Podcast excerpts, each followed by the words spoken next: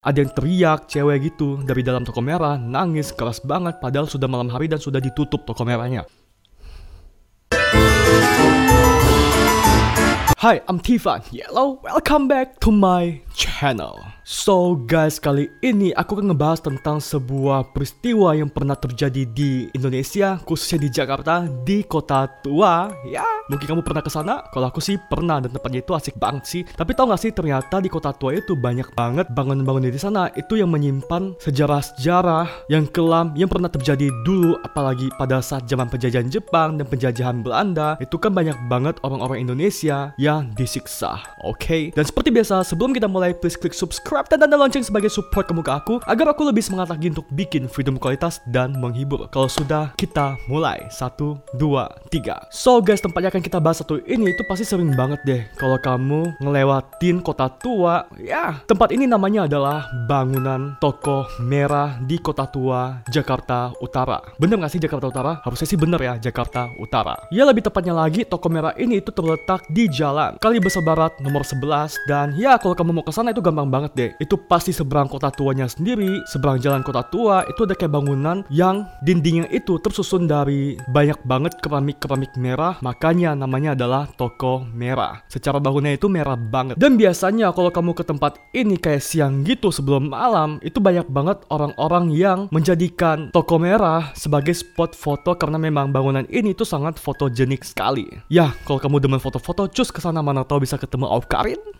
Namun di balik bangunan yang sangat fotogenik ini ternyata tersimpan peristiwa yang sangat memilukan di belakangnya. Dan ternyata ada juga loh guys, orang-orang di sekitar sana atau orang-orang yang pernah datang ke toko merah ini itu yang mengalami peristiwa mistis gitu. Ini misalnya aja, itu dulu banget pernah ada kayak wisatawan, ya tahu sendirilah kalau wisatawan datang ke suatu tempat yang sejarah gitu, mereka pasti akan membawa kamera gitu untuk mengabadikan indahnya tempat tersebut, apalagi tempat ini sangat ya sejarah banget kan. Dan saat anak muda ini kayak masuk ke dalam toko merah dan mau foto-foto gitu di dalam toko merah, tiba-tiba dia kayak pingsan gitu aja lalu teriak-teriak nggak jelas, kerasukan dan karena dia teriak-teriak seperti itu, itu menarik banyak banget perhatian orang-orang di sekitar sana, orang-orang di sekitar kayak tetangga-tetangga dari si toko merah dan orang-orang itu pun datang untuk menghampiri si anak muda ini dan disadarin deh si anak muda itu yang kerasukan, woi bangun woi bangun bangun. Dan ketika si anak muda yang kerasukan ini bangun, dia pun nyeritain kalau waktu itu dia lagi kayak foto-foto di dalam toko merah, tiba-tiba dia kayak ngelihat kayak ada sosok hitam gitu yang masuk zup ke dalam kameranya dan habis itu dia udah nggak sadar dan tiba-tiba bangun begitu aja dan diceritain kalau dia itu mengalami kerasukan. Wow. Lalu pernah juga ada tetangga dari toko merah ini yang ngedengerin kayak ada suara langkah prajurit tek tek tek tek tek gitu saat malam hari padahal kan nggak ada prajurit ya dan itu sudah malam banget. Lalu itu suara siapa? Atau mereka juga sering dengar kayak suara ada yang teriak cewek gitu dari dalam toko merah nangis keras banget padahal sudah malam hari dan sudah ditutup toko merahnya. Lalu suara siapa itu. Ih, gue cerita aja sekarang kayak ngerinjing.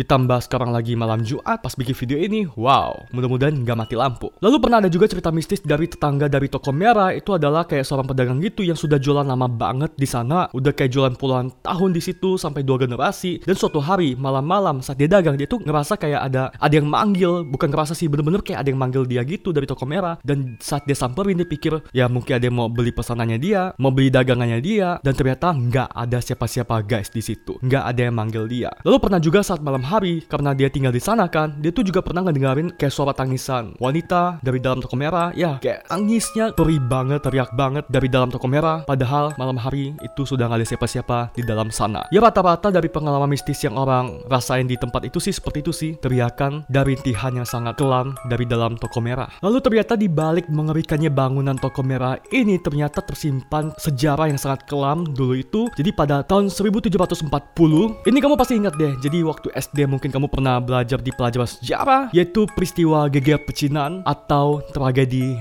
Angke. Jadi waktu itu tepatnya pada tanggal 9 Oktober Gubernur Jenderal Adrian Verklemet Susah banget namanya Menyuruh prajuritnya prajurit VOC Untuk membantai semua warga keturunan Tionghoa yang ada di situ Alhasil. Dalam waktu 13 hari aja Sebanyak 24 ribu warga Tionghoa yang ada di sekitar kawasan itu Terbunuh Dan mayat mereka itu dibuang ke kali Angke. Nah guys, sekarang kamu pasti penasaran deh kenapa namanya itu kali Angke. So, Angke itu itu berasal dari bahasa Hokkien atau Teochew Ang yang artinya ada merah. Dan karena pada saat itu banyak banget mayat-mayat dibuang ke kali Angke. Sejarah ada 24 ribu orang kan, itu banyak banget. Sehingga membuat kali tersebut penuh dengan mayat dan darah. Sehingga darah itu warna merah. Dan merah yang aku bilang tadi artinya adalah Ang dalam bahasa Teochew atau Hokkien. Dan ya kali ini pun dinamai kali Angke atau kali yang penuh darah. Jadi kalau misalnya kamu lewat ke situ malam hari, hati-hati deh, mau tahu warna airnya berubah jadi merah. Lalu banyak juga rumor mengatakan kalau toko merah ini dulunya itu waktu zaman penjajahan Belanda itu dijadikan sebagai tempat penyiksaan bagi para wanita-wanita Tionghoa dan waktu 13 hari itu seperti diperkosa juga, disiksa dan akhirnya dibunuh dan mayat mereka juga dibuang ke kali Angke yang aku bilang barusan. Terus pada tahun 1750 sampai 1780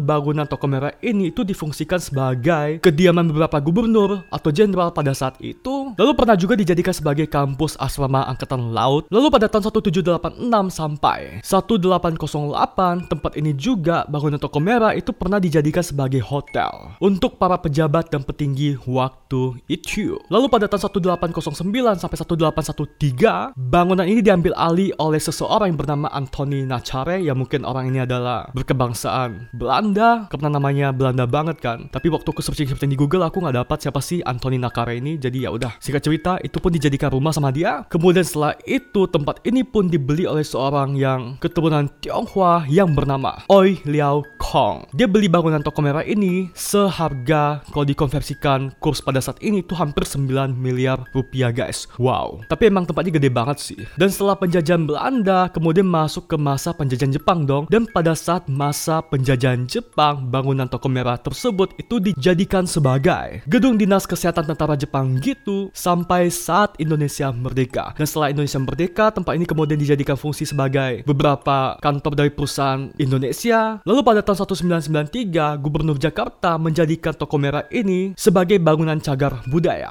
Sampai akhirnya pada tahun 2012 sampai sekarang, toko merah itu dijadikan sebagai tempat kayak pameran gitu. Jadi kalau misalnya ada pameran-pameran seni, itu akan dilangsungkan di toko merah ini dan kadang juga itu dijadikan sebagai tempat konferensi gitu. So guys, gimana menurut kamu dari cerita yang baru saja kita bahas ini karena ini bukan cuma cerita mistis tapi ada sejarah kelam di baliknya. Jadi ya, kalau misalnya kamu ada kesempatan untuk datang Jakarta, jangan lupa datang ke Kota Tua, nyebrang aja langsung masuk ke toko merah saat siang hari dan kamu bisa ya menambah ilmu sejarahnya kamu dan merasakan suasana mistis. Karena kamu sudah tahu dari video ini kan ternyata ada cerita dan peristiwa kelam di baliknya sehingga pada saat kamu datang ke situ kamu akan merasa lebih wow ternyata tempatnya aku dengar dari video ini ternyata aku sudah sampai di sini sekarang dan itu menambah kesan Wow, boom. So, sekian itu video hari ini. Please klik subscribe dan tanda lonceng sebagai support kamu ke aku. Dan untuk mendapatkan notifikasi video terbaru. Dan jangan lupa like dan share ke teman-teman kamu agar teman-teman kamu juga tahu akan video ini. Dan sampai ketemu di video selanjutnya. Bye.